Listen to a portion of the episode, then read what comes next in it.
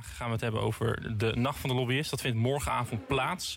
Aangeschoven zijn eh, drie gasten. Marielle van Oort, eh, Simon Otjes en Mark Wever. Goedenavond. Goedenavond. Goedenavond. Dat een hele mooie spannende filler, maar eh, die doet, het, die doet het niet. Maar morgenavond is de Nacht van de Lobbyist. De tweede keer dat die plaatsvindt. Marielle, jij bent er ook bij betrokken. Ja. De organisator. ja, vertel je, je werkt samen met, met de Universiteit Leiden. Doen jullie het, ja, als Public Affairs Academie, wat eigenlijk een kennisplatform is op het gebied van Public Affairs, hebben we eigenlijk al heel lang proberen we om praktijk en wetenschap bij elkaar te brengen. En daar is deze samenwerking uit ontstaan.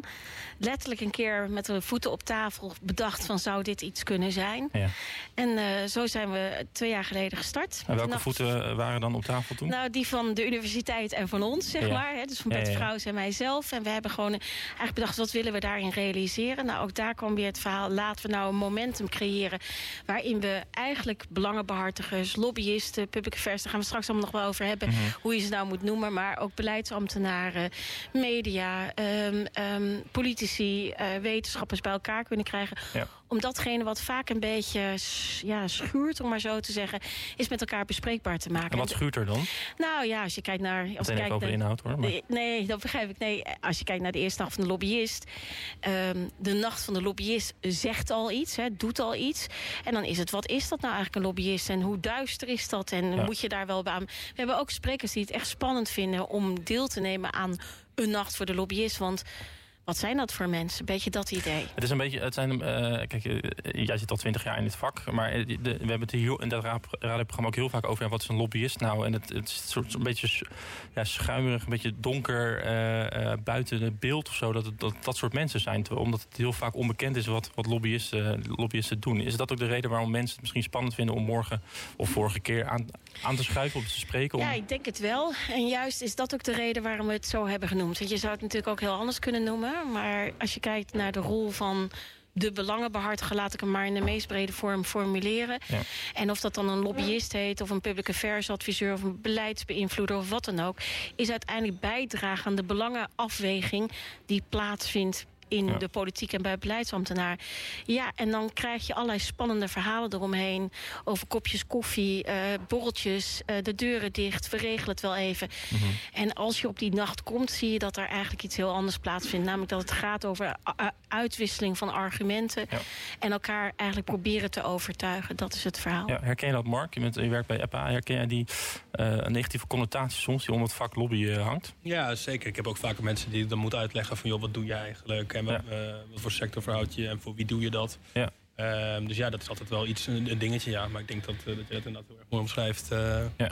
Ja. Hoe het in elkaar steekt. Tweede keer dus. Uh, vanwege corona is het uh, niet doorgegaan. Uh, ja. Hoe ziet de, de, avond er morgen uit? Het is hier vlak, vlakbij ja, de Nieuwe Kerk. We starten in de Nieuwe Kerk waar we beginnen met Joris Luijendijk als keynote spreker. Hij heeft eigenlijk twee boeken geschreven. De Zeven Vinkjes. Ja. Maar ook een stuk over beïnvloeding in Den Haag. En die twee verhalen brengt hij speciaal voor ons morgen samen. Daar trekken we ongeveer een uur voor uit. En dan gaan we uiteen in Amare. Dus we steken de straat over. Waar we tien workshops hebben op het gebied van lobby in de meest brede zin van het woord. En vervolgens sluiten we weer af, wederom in de Nieuwe Kerk met de speld. Bij de speld, ja, dat klopt. Ja. Dat is de eindafsluiter. Is het alleen voor professionals? Of, nee, helemaal niet. We hebben studenten. Ik heb okay. even toevallig voorafgaand dat ik hier kwam even op de lijst gekeken. Ik heb beleidsambtenaren gezien. Ja. Ik heb gewoon mensen gezien die geïnteresseerd zijn. Nee, het is een heel breed publiek. Oké, en er zijn nog tickets uh, voor? Ja, er zijn nog enkele tickets. Ja. Kijk, kijk helemaal goed dat je er, goed er bent. Simon Otjes, uh, universitair docent uh, Nederlandse politiek aan de Universiteit Leiden. jij bent morgen ook spreker. Ja. Uh, hoe, hoe, kijk jij naar dit initiatief? Uh, het is de tweede keer nog maar, maar uh, de Nacht van de is best wel een begrip volgens mij geworden in de lobbywereld. Hoe kijk jij daarnaar? Nee, dus het is voor mij super belangrijk om als wetenschapper niet alleen maar in een ivoren toren te zitten en dingen te onderzoeken, maar dat ook met een breder publiek te delen. Dus het is voor ja. mij een super mooi platform over, over mijn onderzoek uh, ja. te praten. Want hoe kijk jij naar, naar, naar lobby? Hoe, hoe raakt dat jou? Hoe raakt dat de, de Nederlandse politiek? Het is een heel brede vraag, maar uh, hoe houdt het jou bezig? De, Nederland is eigenlijk een heel bijzonder land, want hè, waar in heel veel landen eigenlijk de lobby op een manier gebeurt dat allerlei krachten zich kunnen organiseren... is Nederland ten diepste een corporatistisch land. Dat betekent eigenlijk dat er bepaalde belangengroepen... een voordeel hebben ten opzichte van anderen. De grote werkgeversorganisaties en de vakbonden die hebben een soort bijzondere relatie met de overheid. Dat noemen we corporatisme. Ja. En dat is Nederland eigenlijk heel erg bijzonder in. En dat is ook een manier op in Nederland beleid gemaakt wordt... worden die groepen voortdurend eigenlijk betrokken. En nog geen moment bedenken waarbij er geen belangengroepen aan tafel zitten... om na te denken over... Ja. Ja. En jij kijkt specifiek ook vanuit uh, een perspectief vanuit de Nederlandse politiek. Hoe, hoe is dat veranderd? Is, is dat veranderd de afgelopen 10, 20 jaar? Dat corporatisme wat jij, waar jij het over hebt? Nee, iedereen schrijft er. De, meest populaire stuk onder politicologen en bestuurskundigen naar kijken is de dood van het corporatisme. Dat is, is al twintig keer overleden. Want ja, dat is eigenlijk een manier van de jaren 40 en 50 dat over de hele wereld heel dominant. En nu zie je eigenlijk dat er een paar landen dat nog doen. In Nederland houdt het vast. Tegelijkertijd treedt dat er dan lobbyisme. Dus dat er een vrijer spel is van maatschappelijke krachten. Dat ontwikkelt eigenlijk steeds meer. En die corporatistische uh, platform wordt wel minder belangrijk. Tegelijkertijd, in vergelijking met andere landen... is die innige band tussen bepaalde belangengroepen... en de overheid nog sterker dan elders. Ja, en, en daar is ook veel kritiek op hè, van de OESO, van de GRECO... die zijn met allerlei aanbevelingen gekomen... ook richting de overheid ook, om het transparanter te maken. Hoe beïnvloedt dat de Nederlandse politiek specifiek... de lobbywereld aan zich? Nee, kijk, het is belangrijk om te beseffen dat de meest transparante plek... de, meest, de plek waar de corporatisme, corporatisme echt samenkomt... dat is de CER. En dat is juist een hele transparante plek... waar dus allerlei rapporten geschreven worden. Dat zijn geen achterkamertjes, maar dat is gewoon eigenlijk een overlegorgaan... tussen de overheid, experts, uh, belang, uh, vakbonden en werkgeversorganisaties. Dat is super transparant. Maar dat is wel een bijzondere plek. Er is, er is geen ander land waar er zo'n sterke soort sociaal-economische raad is als Nederland... waar eigenlijk allerlei wetgeving daar langs moet om advies te krijgen. En als de overheid er niet uitkomt, dan leggen ze daar onderwerpen neer. Van werkgevers en, werknemers, zoeken jullie het maar uit. Wij, uh, wij omarmen het daarna. Uh, realiseren we ons dat weinig dat de SER daar eigenlijk is en het belang van de SER? Kijk, het is natuurlijk wel zo dat in de laatste 20, 30 jaar het belang daarvan minder is geworden. Maar tegelijkertijd, in vergelijking met andere landen, is zo'n platform echt wel heel bijzonder. Oké. Okay. Uh, eh, Marjelle, je zit al 20 jaar in het vak. Mark, jij nu een paar jaar volgens mij. de vorige editie, dat vertelde je net Marjelle, ging het heel erg over wat is nou de lobby public affairs. hier hebben we hier ook heel vaak in dit programma over gehad. Wat is nou een lobbyist en wat is nou iemand die zich presenteert als public affairs. De ene doet het omdat hij public affairs een, een, een fijnere connotatie vindt. Maar de andere zegt ook nee, er is wel degelijk een verschil tussen een lobbyist en public affairs is breder. Hoe kijken jullie ernaar? Zal ik een aftrap doen? Ja, graag. nou, ik denk eigenlijk dat het ook wel een beetje een semantische discussie is. Want als ik kijk uh, naar public affairs, dan zie ik dat vooral als het spectrum van instrumenten wat je inzet om invloed, om ja, je belang op de kaart te zetten. Dat is communicatie, dat is argumentatie, dat is goede kennis hebben, dat is je netwerk op orde. Dat zijn allerlei verschillende elementen die bijdragen dat jouw belang op een bepaalde manier gepositioneerd wordt. Waar de annotatie van lobbyen vandaan komt, is vooral als ik één op één met jou hier, we trekken de deur dicht en ik ga even met je overleggen. Daar komt het annotatie van lobbyen vandaan. Ik regel wel wat met jou achter gesloten deur om te kijken hoe of wat. En volgens mij maakt dat eigenlijk ook waarom mensen liever zich niet lobbyist noemen, maar liever public affairs. Maar ik ken ook genoeg mensen die zichzelf wel lobbyist noemen... maar hetzelfde spectrum aanhouden als ik net aangeef. Dus het is er vooral eentje, uh, laat ik zo zeggen... Uh, die uh, vaak wordt benut. Hè, welke term je benut ligt ook een beetje aan wat die ander ervan vindt... en hoe je ook de ander gepositioneerd wordt. Ja, ja. Dus, het, dus, dus ook wel hoe je, het, ook hoe je het invult. Is het vak van lobbyen veranderd de afgelopen twintig jaar? Voor jou? Uh, ja. ja, toen ik startte vond ik het uh, veel minder transparant. Het was veel meer via de begaande wegen.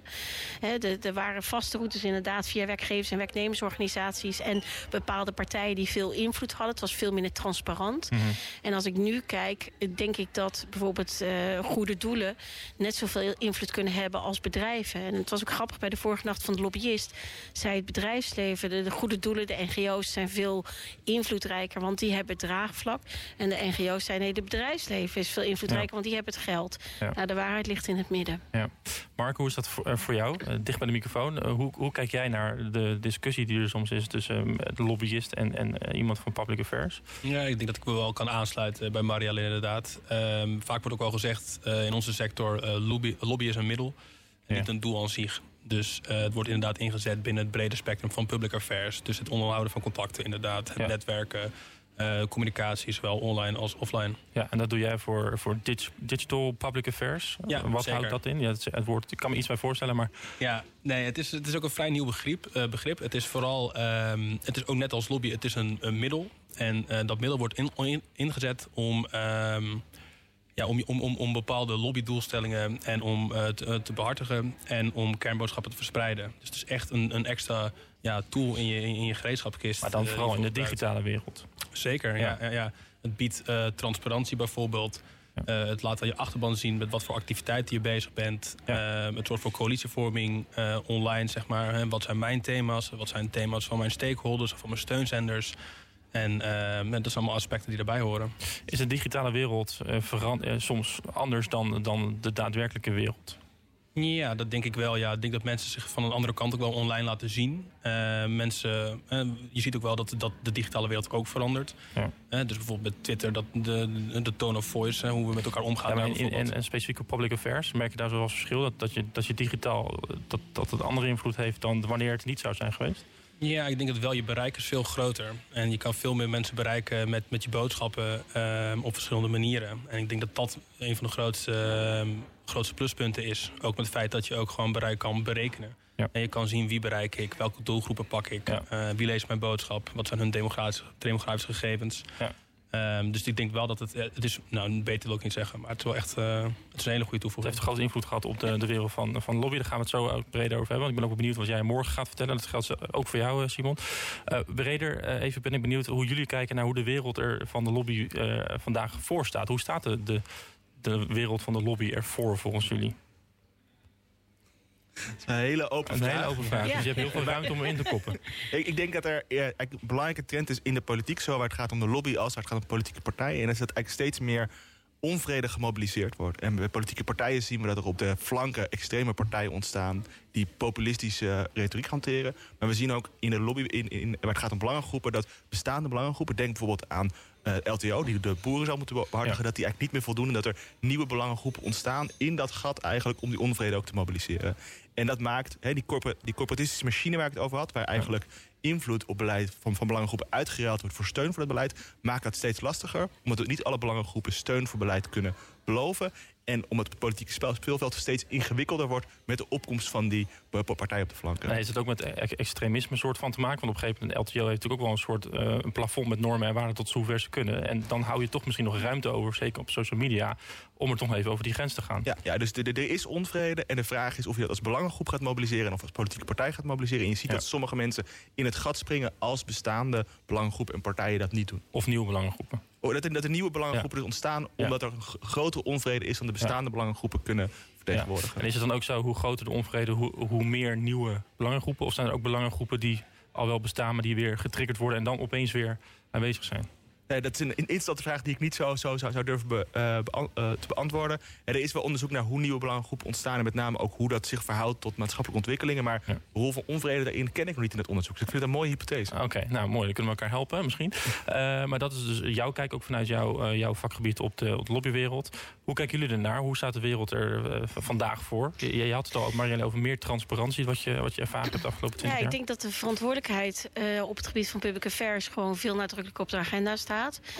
Uh, maar dat is eigenlijk al een trend die zich veel langer voordoet... en die eigenlijk op het moment dat er bepaalde ontwikkelingen ontstaan... ook aan de flanken zeg maar, nog meer een beroep op wordt gedaan... dat die transparantie er komt.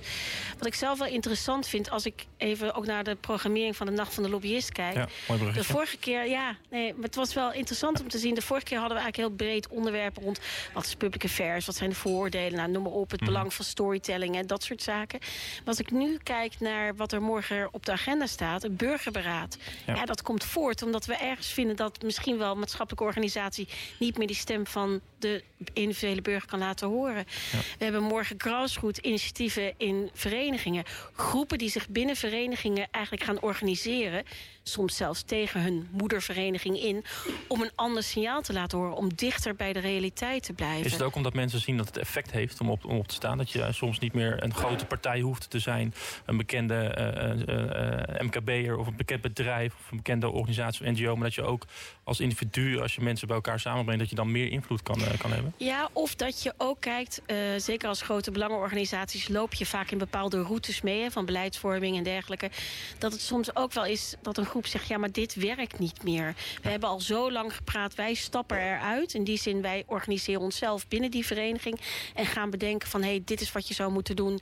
en we maken ons eigen geluid. Nou, binnen de LTO-wereld, Farmers Defence Force... die is ook echt helemaal uitgetreden. Maar we zien ook bij andere organisaties... dat er dan subgroepen ontstaan die zich veel kenbaarder maken... veel zichtbaarder maken. En eigenlijk proberen een beetje de dekens op te schudden. Ja. En dat zijn allemaal wel elementen die met die onvrede te maken heeft... maar ook met een situatie met een heel gefragmenteerd politiek veld... op alle lagen inmiddels. Wat het ook wel heel ingewikkeld maakt. Ja. Ook op departementaal niveau. Het maakt het heel ingewikkeld om al die belangen die ook nog eens verenigd zijn in een heel gefragmenteerd politiek veld en in de maatschappij bij elkaar te brengen. En daar ligt wel een uitdaging. Daar was wel even benieuwd naar. Mark, merk jij dat het dat gefragmenteerde politieke veld, heb, heb, je daar, heb je daar veel mee te maken? Ja, ik denk het wel. Het heeft ook veel te maken met dat nou, je bent een hele. Je kan op, op, op online wereld kun je heel erg een luide stem hebben. Vooral als je mensen ook kan activeren om ook achter je aan te gaan op, manier, eh, op die manier. Dus de manier van om heel veel bereik te genereren heeft niets te maken met, met hoeveel personen je bent. Heeft te maken met wat je vertelt en of mensen die boodschap ook begrijpen en ook willen overnemen. En hoe handig je het inzet exact. Ja. Marille, uh, even over de nacht van uh, morgen. Want uh, twee jaar geleden heb je al het thema gehad. heb je al besproken. Wat is het thema van morgen? Ja, er is eigenlijk niet één centraal thema. Het moet, je moet voorstellen, hoe komt dit tot stand? Is dat we vooral met elkaar kijken van... Hey, wat zijn de actuele ontwikkelingen en hoe moeten we daarmee omgaan? Ja. maar we hebben het morgen onder andere over polarisatie. Hoe wil ik het niet zo noemen? Ik laat dat straks ook aan, aan jou over. en we hebben het over burgerberaad, gezag van de overheid. Er komt morgen een advies uit van de Raad voor Openbaar Bestuur. Ja. En daar praten we morgen ook over. Grassroot initiatieven, digitale public affairs. We hebben een uh, sessie met Marianne Thieme over idealisme, activisme en realisme. Ook een mooie. Ja. Uh, we gaan het hebben over um, wie agendeert nou eigenlijk. Is dat de media of zijn dat de organisaties zelf? Nou, dat is even een spectrum. Okay. Uh, Mark uh, en Simon, jullie gaan morgen spreken. Uh, Simon, ik wil even naar jou toe. Jij gaat het hebben over, zoals jij dat dan zegt, heel mooi mobilisatie van onvrede. En dan in de koppeling naar, naar belangengroepen vooral, hè? Ja, ja dus je kan daar op twee, twee manieren naar kijken. Je kan kijken vanuit de politiek, hoe daar onvrede wordt gemobiliseerd... en hoe belangengroepen dat doen. Ja. Als we naar politiek kijken, zien we dus de opkomst van die radicale partijen op de flanken. Ja. En we zien dat traditionele belangenorganisaties daar eigenlijk heel lastig mee om kunnen gaan. He, dat, dat, dat uh, normaal richten belangenorganisaties zich op, op groepen die dicht bij hen staan. Maar ook als populistische partijen dicht bij die belangenorganisaties staan... zie je dat het heel lastig is, ook voor die belangenorganisaties... om met hen contact te houden en met hen te onderhandelen. Dan zit een soort ongemak of zo? Ja, daar zitten denk ik verschillende drivers achter. In de eerste plaats, belangenorganisaties hebben een, een feilloos gevoel voor macht. En populistische partijen staan vaker buiten de macht... en zijn daarmee minder interessant. Maar het tweede is dat populistische partijen in hun retoriek... zich ook vaak verzetten tegen achterkamertjespolitiek tegen de lobby, tegen groepen die het eigenlijk voor een deelbelang opnemen ten opzichte van het algemeen belang. En dus naarmate die, die, die partijen groeien in de politiek, mhm. wordt eigenlijk de de belobbybare ruimte, hè, de ruimte waar lobbyisten zich dan op kunnen richten, wordt kleiner. En daardoor wordt het ingewikkelder eigenlijk om dan dus invloed uit te oefenen. Omdat er dus partijen aan de flanken zijn, radicaal links en, uh, en extreem rechts, die voor hen moeilijk te bereiken zijn. Ja, maar ik kan me ook voorstellen, het heeft soms ook gewoon geen zin om, om bij zo'n partij te lobbyen. Ja, heeft het zin? Het belangrijkste, er zijn een aantal theorieën waarom groep lobbyen. Eentje daarvan is, dat noemen ze uh, uh, legislative subsidie. Dus uh, subsidie aan Kamerleden. Kamerleden hebben bijzonder weinig ondersteuning. Dus een brief van een lobbyist kan voor een Kamerlid die op zoek is naar inbreng voor, voor, voor een debat bijzonder nuttig Zeker voor kleine fracties. Ja. ja, maar tegenwoordig hebben we eigenlijk alleen maar kleine fracties. Hè? De grootste fractie nu was een paar jaar geleden was dat een redelijk kleine fractie. Dus daarvoor juist zijn die lobbyisten enorm belangrijk. Maar je ziet bij die populistische partijen ook een, een, een, een afwerende houding ten opzichte van die lobbyisten. Dat ze niet, zich niet willen baseren op de, dergelijke informatie. Dat het heel nuttig kan zijn, ook juist als je aan de extreme kant staat... om te kijken wat belangengroepen die in de buurt van jou staan te bieden hebben. Ja, het kan ook zo zijn doordat belangenorganisaties ook, ook niet alleen de uh, kartelpartijen, laat ik het zo zeggen, of de, de, de normale macht, maar ook uh, sommige belangen, belangenorganisaties ook in diezelfde hoek worden gezet. Eigenlijk precies wat je net zei, hè? want belangenorganisaties hebben ook baat bij door de normale route te lopen en ook met de macht om te gaan. Dat werd net ook al even gezegd, hè? dus ze doorlopen vaak de reguliere route. Um, maar eh, ja, soms worden ze zelf ook gewoon buitenspel gezet, de belangenorganisaties. Nou, ze worden buitenspel gezet, maar er zijn ook nieuwe belangenorganisaties die ontstaan... omdat er onvrede is die die bestaande belangenorganisaties niet kunnen mobiliseren. En daar zie je dan dus weer dat bijvoorbeeld een Farmers Defence Force... wel heel dicht bij partijen als, als Forum voor Democratie of de Boer-Burgerbeweging staan... die weer verder afstaan. Dus je ziet volgens mij diezelfde tweedeling die je in de, in de politiek ziet... ook steeds meer bij, bij, bij de lobbyisten, waarbij dus ook aan de andere kant bijvoorbeeld... Hè, de meer radicale flank van de klimaatbeweging... die kiest voor het, het, het bedreigen van kunst en het bezetten, bezetten van, van wegen...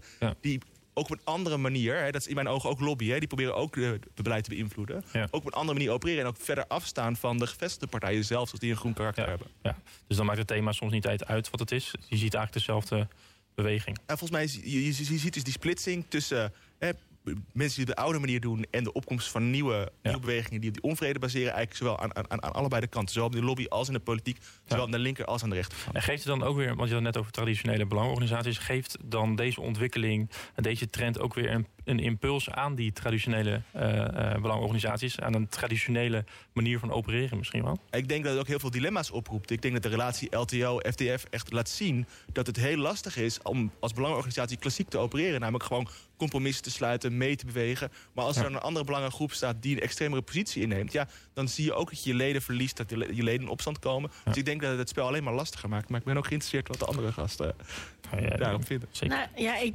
ja, ik denk dat, dat, je, dat ik het wel herken. Dat je eigenlijk, uh, doordat uh, je als traditionele organisatie, een belangenorganisatie...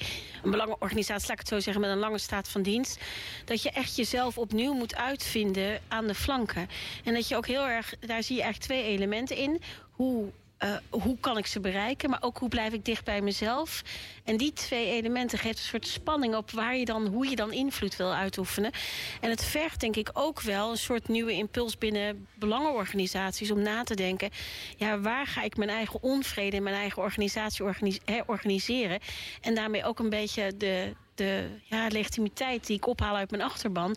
ook veel meer uh, ja, uh, uh, ja, schetsen, voelen, proeven. Ik denk dat het ook voor belangenorganisaties steeds belangrijker wordt... om te beseffen wie zit in mijn achterban... Ja. En hoe verhoudt zich dat tot het politiek veld? Jij bent directeur Marelle van de Public Affairs Academy. hoe vind je als belangenorganisatie jezelf opnieuw uit? Ja, dat is, eh, dat is geen kleine vraag dit. Ehm, ja, jij traint ze. Ja, um, nou ja, het gaat vooral over... kan ik van binnen naar buiten kijken? Kan ik heel bewust eigenlijk kijken... hoe kijken anderen naar mij? En wat heb ik daarvoor nodig? En anderen kan je eigen achterban zijn. Maar ook inderdaad nieuwe partijen die opstaan... en eigenlijk zoiets hebben... we willen niet mee in datgene wat al heel lang is. Wij willen een ander signaal horen. Dus het gaat vooral eigenlijk over een soort sensitiviteit ontwikkelen... waarin je op een andere manier ook leert kijken naar naar je achterban en naar wie je wil beïnvloeden. Dat is wat dan nodig is. En soms out of the box denken. En dan kom ik eigenlijk bij mijn buurman een beetje. Oh, Want, mooi uh, ja, uh, ook rond digitale public affairs. Sommige organisaties vinden dat best wel spannend. Ja. en dit is wel een instrument waar je eigenlijk niet meer omheen kan, denk ik. Nee, zeker niet. Nee, nee, nee. Je hebt natuurlijk de traditionele wegen waar we het natuurlijk al over gehad hebben ook. Um, en daarbij het hele digitale aspect. Dat maakt gewoon, dat zorgt ervoor voor Um, het, het vergroten van het online bereik. Het zorgen dat mensen bereikt in alle facetten van de samenleving. En um, het is daarbij heel, gewoon heel belangrijk om te kijken van wie is mijn doelgroep. Uh, hoe kom ik bij die doelgroep terecht? Waar zijn, is mijn doelgroep actief? als je bijvoorbeeld naar zo'n Farmer Defence Force kijkt... Ja, die zitten bijvoorbeeld op Telegram. Die zit op andere kanalen dan bijvoorbeeld uh, de traditionele leden van bijvoorbeeld de LTO. Gaat die ontwikkeling snel bij die Digital Public Affairs? Ja, gaat heel snel. En het is ook een, een, nou, een ongeleid projectiel, wil ik het absoluut niet noemen. Maar die moet het echt goed grip op hebben om er ook echt goed gebruik van te maken. Je kan niet zomaar die arena instappen en denken van dit doe ik wel even. En uh, af en toe doe ik een berichtje. Je moet maar soms is het toch wel een ongeleid projectiel? Ja, zeker. Maar daar moet je ook gewoon ver, snel en ver uh, vanaf blijven. Ja. En hoe doe je dat? Uh, ik denk dat je, voorbereiding is key eigenlijk hierin. Denk dat het echt 90% voorbereiding is, 10% uitvoering. Je zorgt ervoor dat je je data op orde hebt. En wie is mijn doelgroep? Wat is mijn kernboodschap? Hoe vertaal ik die kernboodschap naar een platform? En um, je maakt bijvoorbeeld ook gebruik van contentkalenders. Je past data toe in weken. Wanneer gebruik ik welke kernboodschap? Is er bijvoorbeeld weer een, een nationale week van van, van de melk of zoiets, weet je. Dan zou je daar weer een mooi bericht over kunnen doen als je dan bij de LTO zou zitten. Ja. Um, en dat zijn allemaal dingen. Hoe, hoe praat ik op een platform? Wat is de manier hoe mensen praten? En ook rules of engagement bijvoorbeeld. Um, stel dat iemand reageert op jou. Iemand heeft een opmerking over een bepaalde boodschap die jij uit, uh, uitbrengt. Um, ga je daar, hoe ga je daarmee om? Ga ik daar ook op reageren? Gaat er een hele discussie ontstaan onder dat bericht? Want daar kun je ook soms de mist in gaan als bedrijf. Daar kun je zeker de mist in gaan. Dat is ook echt een moeras waar je soms van tevoren moet gaan nadenken. Wat doe ik daarmee? En weet je, je kan digital public affairs gebruiken om informatie uh, te hebben... waardoor je dus gaan kijken, oké, waar bevindt zich mijn doelgroep? Uh, waar, hoe communiceert mijn doelgroep en waar communiceer ze over? En dan kun je kiezen, doe ik daar iets mee? Dus gebruik ik dit gewoon puur voor mijn eigen boodschappen? Of ga ik ook echt daadwerkelijk die digitale arena in en ga ik met ze communiceren en gaan we informatie uitwisselen en trekken we met elkaar op. En, en dat is niet niks. Simon, wat is eigenlijk het verschil tussen een politieke partij en een belangengroep? Er is één verschil. Een politieke partij doet mee aan verkiezingen. Ja. En een belangengroep niet. En, en, voor de rest zijn ze eigenlijk heel vergelijkbaar in dat ze proberen om bepaalde ideeën, bepaalde belangen een stem te geven. Maar de een kiest het om te doen via verkiezingen en zetels in het parlement. En de ander zegt van wij kunnen op een andere manier invloed uitoefenen. Eigenlijk zonder mee te doen aan verkiezingen. Maar voor de rest lijken ze heel erg op elkaar. Zijn er partijen in de Tweede Kamer die eigenlijk meer belangengroep zijn dan de politieke partij? Nou, als je strikt bent, dan zijn zij een politieke partij, want ze hebben meegedaan aan de verkiezingen. Maar je ziet dat een aantal partijen heel erg geleerd hebben van hoe belangrijk groepen opereren. Je ziet aan de boer-burgerbeweging dat ze eentje die heel erg heeft geleerd en ook de wortels heeft in, uh, in, in, in die wat radicale kant van de, van de boerenbeweging. Bijvoorbeeld de Partij voor de Dieren aan de andere kant is een partij die ook voortgekomen is uit maatschappelijke beweging. En die eigenlijk nog steeds als een belangengroep opereert in de Kamer. Namelijk dat ze niet denken, wij moeten zelf per se invloed hebben... maar wij moeten als een haas in de marathon andere partijen harder laten lopen op ons zit, onderwerp. Zit daar dan ook het, het succes in? Dus daarmee ook het verschil? Ja, kijk, succes kan je op verschillende manieren definiëren. Ja. Ik bedoel, de ChristenUnie heeft eh, één zetel minder dan uh, Partij voor de Dieren. En die zit al jaren in de regering en die leveren ministers. Nou ja, bijvoorbeeld Boerburgerbeweging, boer daar kun je niet, van, daar kun je niet onderuit. Hè? Dat is een, een groep die, nou, zij is uh, alleen, maar heeft natuurlijk een groep achter zich. Maar Caroline doet het goed. Uh, in, de, in de zetels. Uh, in de peilingen. Maar in de peilingen, ja. in de peilingen. Dus dat, dat, dat wordt nou echt een uitdaging van haar of ze het vol kan houden. En of ze dan volgens al die, al, al, al, die, al, die, uh, al die kikkers die ze in de kruiwagen heeft gekregen... of die daar ook blijven. Maar partijen definiëren succes op verschillende manieren. Dus hè, bedoel, een ChristenUnie zegt wij zijn succesvol als we ja. in het kabinet zitten en, en, en, invloed uitoefenen. En de Partij voor de Dieren zegt wij zijn succesvol als we andere partijen ja. harder hebben laten lopen op ons onderwerp. Ja, peilingen zeggen eigenlijk nog niks. Dan heb je het eigenlijk ook over, ja, dat zijn nog geen verkiezingen. Als er verkiezingen zijn, dan weten we het zeker. Dan hebben we het ook over momentum. Hoe is dat, hoe is dat belangrijk? Momentum als het gaat om, uh, zeker als het gaat om mobilisatie van onvrede in relatie tot belangengroepen.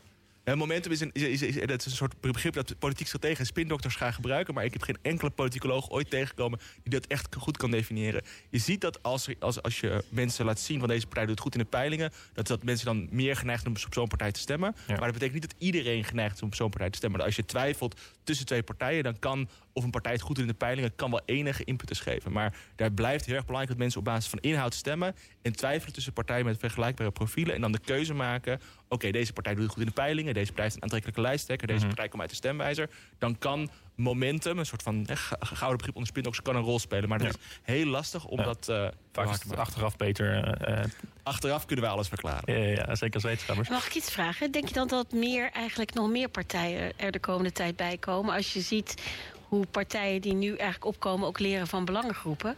Nou, we hebben er nog wat in Nederland. Dus zie je ook in de loop der tijd steeds meer partijen komen? Je ziet een enorme groei van partijen, zeker in, in, de laatste jaren. En je ziet zeker dus ook dat er partijen een veel activistische manier hebben van opereren. Niet een traditionele ledenpartij zijn, maar zeggen van wij hebben een specifiek belang en we opereren eigenlijk als een belangengroep daarop. Ja, dat is een, een trend die, die duidelijk er is. Of, of dat betekent dat er bij de volgende verkiezingen vijf partijen bij komt, daar, dat, dat, dat zou ik niet durven te zeggen. Maar de manier waarop de traditionele partij opereert... die verschillende belangen probeerde samen te brengen... ziet in ieder geval dat verhaal kiezers steeds minder aanspreekt. Dat zeggen, ik wil een partij die het opneemt voor dieren, voor boeren, voor ondernemers... en niet per se een partij als het CDA... die probeert om allerlei verschillende belangen de one-issue partij eigenlijk. Die one-issue partijen die ja. opkomst zie je heel duidelijk. Ja. dat zou de versplintering niet uh, heel, heel, goed doen. Maar uh, je bent een wetenschapper, dat weet ik op basis van argumenten, et cetera. Maar maak je je zorgen als je deze ontwikkeling ziet? Maak ik me zorgen? Eh, kijk, uiteindelijk waar het gaat om versplintering... is dat er gewoon een reflectie van maatschappelijke diversiteit.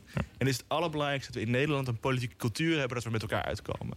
Ja, als we kijken naar andere landen waar allerlei partijen tegenover elkaar staan... elkaar proberen. Zeg, als, je, als ik een meerderheid heb in, in, in, de Senaat, in de VS... en in de andere in dit huis, dan gaan we dan op geen enkele manier samenwerken. In Nederland zie je een cultuur van samenwerking. En het huidige kabinet heeft geen meerderheid in de Eerste Kamer. Maar andere partijen staan constructief. Die zeggen wij willen invloed uitoefenen. En in ruil daarvoor willen het beleid best steunen. En dus zolang die cultuur bestaat, kunnen we best dat versplintering aan. Maar je kunt er niet omheen dat er veel onvrede is in dit land, toch? En dat, er, dat het uh, aantal partijen er goed op doen dat er veel onvrede is. Daar is misschien zelf ook een rol in, in spelen. Maar dat, dat betekent dus ook dat die onvrede vertegenwoordigd wordt. Hè? Bedoel, Dat betekent dat die onvrede een stem krijgt. Dat mensen zich ook kunnen herkennen. Dat ze zeggen, Geert Wilders is, is, is, is, is mijn stem in de Tweede Kamer. Dat is in die zin waardevol en belangrijk. Tegelijkertijd is het ook belangrijk dat die partijen in staat zijn om samen te werken met elkaar. En wanneer knelt het? Als het bijvoorbeeld de politieke besluit, de politieke democratie of de Nederlandse democratie in de knel komt. Als het te veel last van heeft, is het dan, is, wordt het dan gevaarlijk? Dus volgens mij gaat het knellen op het moment dat we een, de cultuur van samenwerken en compromissen sluiten verliezen. En dus dat zie je in Amerika, waarbij die cultuur van samenwerken er niet is. Dan staan er twee partijen elkaar naar het leven. En als de ene meerderheid heeft, dan staat de andere, andere aan de muur. Dan heeft de andere meerderheid, dan staat de ene aan de muur. En als je, als je zo'n cultuur hebt, dan kan, je, dan kan je heel lastig met diversiteit omgaan in je samenleving. Terwijl als we die Nederlandse cultuur houden van samenwerken... daar hoort dat corporatisme bij. Dat hoort dat we mensen bij elkaar brengen, om tafel brengen, compromissen sluiten. Zolang we dat hebben, maak ik me geen zorgen over versplintering. Oké, en zover zijn we dus nog niet. Ik, ik, ik, ik, zie dat die cultuur nog heel levend is... in elk geval bij de meerderheid van partijen in de Tweede Kamer. Okay. Haagse invloeden. Ja, de gast zijn nog steeds, gelukkig, Simon Otjes, uh, Marine van Oort en uh, Mark Wever. Uh, we blikken vooruit, nou, breder hebben we gedaan, maar we blikken vooruit op de nacht van de lobbyist. Dat is morgen, dus de, de tweede keer, hè, vanwege ja. corona is twee keer niet doorgegaan. Nee. maar je hebt al heel veel aanmeldingen, zei je. Ja, we zitten, ik denk, rond de 240 op dit moment. Dus ja. we hebben nog enkele plekken vrij. Ja, dus mocht je luisteren, de website is dagvanlobbyist.nl. Ja hoor, absoluut. Ik kan nog steeds aanmelden, geen probleem. Uh, nou, ik denk dat je als je dit gehoord hebt de afgelopen bijna uur... denk ik wel dat je niet anders kan zijn dan enthousiast. Uh, Mark, jij gaat morgen ook een uh, ja, soort lezing geven, een deelsessie. Ja, Waar gaat die over? We hebben het al eigenlijk verklapt, maar... Ja, hij gaat dus over uh, Digital Public Affairs. Uh, echt een nieuw uh, ja, hulpmiddel binnen de, de traditionele public affairs... om, ja, om toch je, je lobbydoel te, laten, of te laten slagen, om je belangen te behartigen... en om je communicatie eigenlijk te versterken. Hoe maken we dat nou concreet? Heb je, heb je een voorbeeld hoe dat, hoe dat dagelijks nou eruit ziet voor jou? Nou ja, we kijken wel bijvoorbeeld uh, voor, voor, voor klanten en organisaties... kijken we bijvoorbeeld van, joh, uh, wat is jullie thema online? Hè? Wat, wat, wat speelt er rondom jullie thema?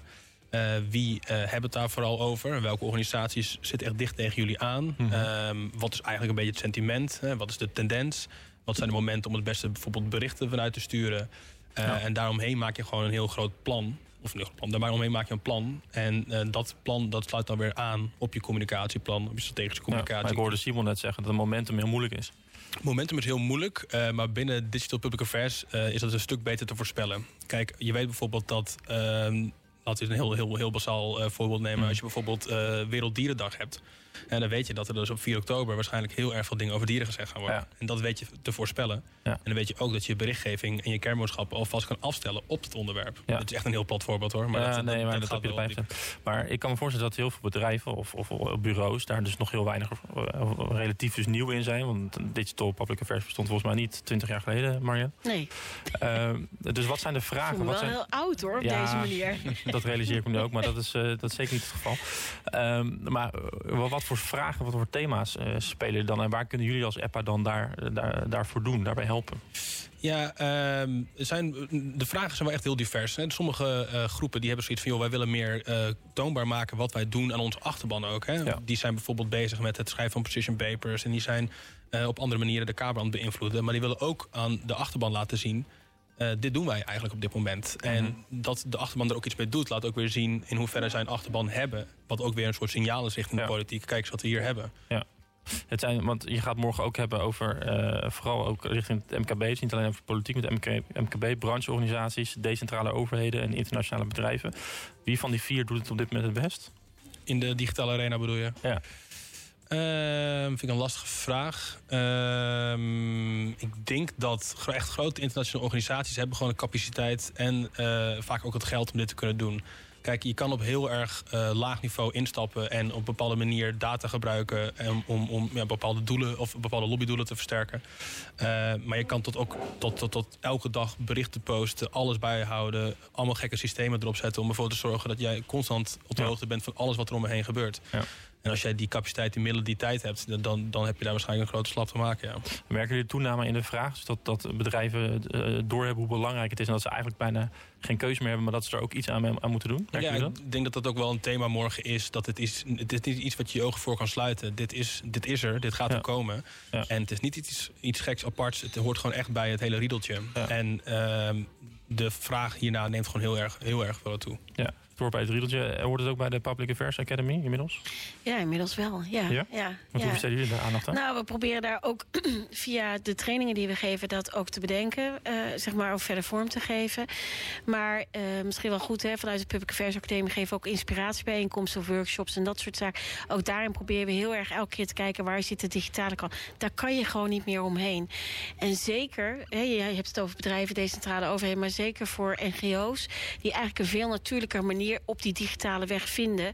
Um, is het nog wel nu om ook daar je public affairs doelstellingen aan te verbinden. Mm -hmm. En daar zie je wel heel erg van, ja, hoe gaan we dat nou bij elkaar brengen? Aan de ene kant hebben we een agenderende werking van dit is belangrijk, ondersteun ons enzovoorts. En aan de andere kant heb je ook een inhoudelijke lijn waar je op wil aanhaken, ook via de digitale weg, omdat dat ook weer het draagvlak versterkt en daarmee je zichtbaarder maakt. Nou, dat zijn wegingen die best wel complex vaak in organisaties zijn ja. en waarmee je stoeit. Ja, en daarom niet voor niets ook morgen bij de Lobbyist. Simon, hoe, beïnvloedt, hoe beïnvloedt het de wereld van het digitale... wat, wat steeds groter wordt, een, een, een, een wetenschapper? een wetenschapper namens we, hebben, we moeten allemaal tegenwoordig twitteren en digitaal aanwezig zijn. Maar wat ik interessant vind aan, het, aan de digitale lobby is de vraag: wie zet dat nou in? Is het nou een middel wat zwakke organisaties kunnen gebruiken? NGO's die misschien niet zoveel geld hebben, maar wel veel volgers. Mhm. Om op die manier eigenlijk ook te laten zien dat ze er zijn? Of zijn het toch de traditionele grote organisaties, hè, de, de, de, de traditionele belangenorganisaties, die daar gebruik van maken? Ja, die daar ook meer geld voor hebben. Ja. En, dus, en, en, en, en, wat we zien in onderzoek is dat dus het, nog steeds de grote organisaties zijn die daar gebruik van maken. Dus dat het niet een middel is om als het ware nieuwe kleine belangen te mobiliseren, maar dat de belangen die al binnen zijn vaak ook daar gebruik van maken. En dat zorgt eigenlijk voor dat de bestaande ongelijkheden. Hè, bedrijven hebben meer invloed, sommige grote organisaties hebben meer invloed. nog groter wordt. Eigenlijk daar herhaald wordt. Ja. ja. ja. Oké. Bijzonder. Uh, Marille, laatste woord aan jou. Wanneer ben je tevreden? Wanneer ben ik tevreden? Ik denk vooral als we mooie discussies morgen in de deelsessies hebben. Daar kijk ik vooral naar uit. Ik mag er twee moderaten. En ik kijk eerlijk gezegd heel erg naar uit naar het gesprek met de sprekers en de zaal. En de vorige keer moet ik zeggen dat me dat um, positief verraste hoe iedereen betrokken is op dit onderwerp, die daar aanwezig is. En niet vanuit het perspectief van het is goed, het is slecht of wat dan ook. Maar de bewustwording dat we daar eigenlijk in, in het positioneren van belangen allemaal wel mee eens zijn. Hè. Lobbyen, zeg ik altijd, begint op het moment dat je kind op de keuken of op de vloer in de supermarkt ligt schreeuwend en wel en zegt ik wil wel dat snoepje. Mhm. Nou, uh, dat perspectief zal morgen niet aan de orde komen. Maar het perspectief dat we het allemaal doen en dat we daar allemaal wel over kunnen nadenken wat het voor ons betekent, waar onze verantwoordelijkheid ligt... en ook hoe we het willen aanpakken met elkaar. Ja. dat zijn de mooie discussies. Dus daar kijk ik vooral naar uit. En als we dat gesprek kunnen voeren... Ja, dan ben ik meer dan tevreden. En dan kijk ik al nu weer uit naar de derde nacht. Nou, de volgende, nou, dan kom je maar weer langs. Ja. Uh, Marille van Oort, dankjewel. Mark Wever en uh, Simon Otjes, dankjewel.